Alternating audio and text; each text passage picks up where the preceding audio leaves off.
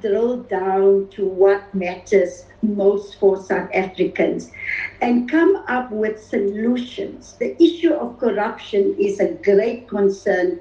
Also, explaining to South Africans that if we follow the solutions proposed by Good, this will be the impact on our communities.